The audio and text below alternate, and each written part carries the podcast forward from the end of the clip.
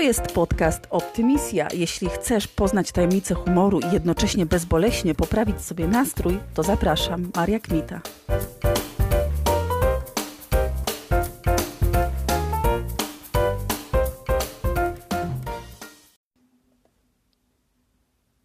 Witajcie. Dziś porozmawiamy o szczęściu. Czym jest szczęście? Czy na to pytanie w ogóle jest odpowiedź? Dla każdego szczęście to co innego. Jeden jest szczęśliwy, bo zmieścił się w stare spodnie, drugi, bo ma tyle aut, że codziennie może jeździć innym, a trzeci jest szczęśliwy jak wygrzebienie dopalonego peta ze śmietnika. Szczęście też przynosi uroda, pogoda, zakupy i wyniki wyborów. Co więcej, czasami wydaje się, że coś jest nieszczęściem, a dla kogoś jest faktycznie szczęściem. Mam tu na myśli szczególnie usta powiększone tak bardzo, że skutecznie zasłaniają nozdrza. Jak widać, chociażby po przysłowiach, Homo sapiens od zawsze rozmyślają o tym, czym jest szczęście, a co szczęściem nie jest. Zgadzacie się, że szczęśliwi czasu nie liczą, nieszczęścia chodzą parami, szczęściu trzeba pomóc, głupi zawsze ma szczęście, a pieniądze szczęścia nie dają? Z tych przysłów wynika, że żeby być szczęśliwym, trzeba być idiotą bez zegarka i biednym singlem, który umie prosić o pomoc. Nie tylko przysłowia stanowią receptę na szczęście. Pamiętajcie, że zawsze inni wiedzą lepiej, co sprawi, że będziesz szczęśliwy. Dowiadujemy się o tym przy dzieleniu się opłatkiem.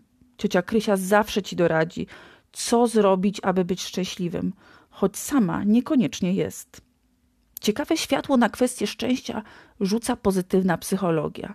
Często wpadamy w pułapkę myślenia, że szczęśliwym będziemy pod warunkiem, że zniknie nam pryszcz, dostaniemy awans w pracy, nasze dzieci wreszcie się wyprowadzą z domu, a przecież szczęśliwi możemy być już teraz, czyli w drodze do różnych naszych celów. Czy nie dlatego właśnie tak popularne stały się treningi uważności, aby być tu i teraz, a nie kiedyś i gdzieś? Inną sprawą, nad którą pochyla się pozytywna psychologia, jest to, czy bardziej cieszy szczęście od ręki, czy szczęście, na które trzeba poczekać. Czy zgodzicie się z tym, że jak przychodzi nam coś za łatwo, to nie cieszy nas aż tak bardzo? Ciekawą koncepcję szczęścia jako wolności przedstawia Natalia de Barbaro w swojej najnowszej książce Przędza, gdzie tłumaczy, że szczęście to niekoniecznie ustalanie coraz nowszych celów i ściganie się z samym sobą, a bardziej tkanie swojego życia. Tak właśnie porównuje świat łuczniczy i świat tkaczy. W świecie łuczniczym, w świecie mierzenia do celu, a już tym bardziej w świecie Rashmagedonu, kluczową figurą jest wyczyn i konieczne do wyczynu przełamanie się, moment pokonania bólu, doprowadzenia się do granicy i za granicę tego bólu, w świecie wyczynowym nie idziesz, tylko robisz kroki, a aplikacja proponuje ci, żeby podnieść sobie dzienny cel. Padłaś? Powstań. Ból i cierpienie są niezbędne w świecie bohatera. Bez tego się nie rozwiniesz, nie urośniesz, nie pójdziesz do przodu i nie staniesz się najlepszą wersją siebie. I za chwilę nie zrozumiesz, że ta wersja nie była jednak najlepsza i trzeba znowu piąć się w górę i cierpieć po drodze. Rzadko kręci mnie poruszanie się jak najkrótszą trasą od celu do celu. Kiedy słyszę, że można więcej, szybciej, wyżej, dalej, czuję, że ja tak nie chcę, że bliżej mi do bliżej, że często wolę wolniej, że chcę zagłębiać, a nie popylać do przodu.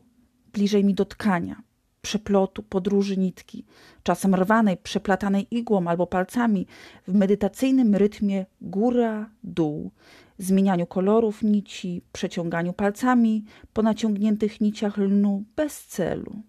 Dalej mi do łuku i tarczy. Tam cel jest wyraźny, mam trafiać do tego celu, z góry wiadomo gdzie on jest, siła ramion i nie wzruszoność ręki, zastygnięcie ciała. To wszystko ma sprawiać, że będzie tak, jak postanowiłam, środek tarczy. Ostatnio akurat opublikowano wyniki badań nad szczęściem, które trwały 85 lat.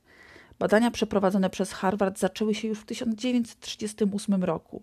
I teraz naukowcy doszli do wniosku, że uwaga, uwaga, co obstawiacie, co prowadzi do szczęścia? Pieniądze, sukces zawodowy, uroda, władza? Otóż to dobre relacje prowadzą do zdrowia i szczęścia. Tylko haczyk w tym, że trzeba je pielęgnować. Czyli nie chodzi tu o relacje typu, co tam u ciebie słychać, a nic, a co u ciebie, a nic Czy to naprawdę tak szokujące odkrycie? Pozytywna psychologia już wcześniej mówiła o tym, że dobre relacje są kluczowe dla naszego dobrostanu. Ludzie to inwestycja. Z przyjaciółmi łatwiej znosi się trudne momenty.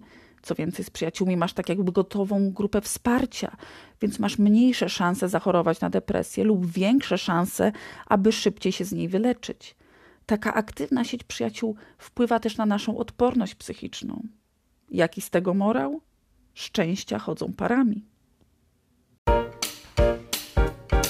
Dziękuję za dziś. Pamiętajcie, cieszcie się życiem każdego dnia.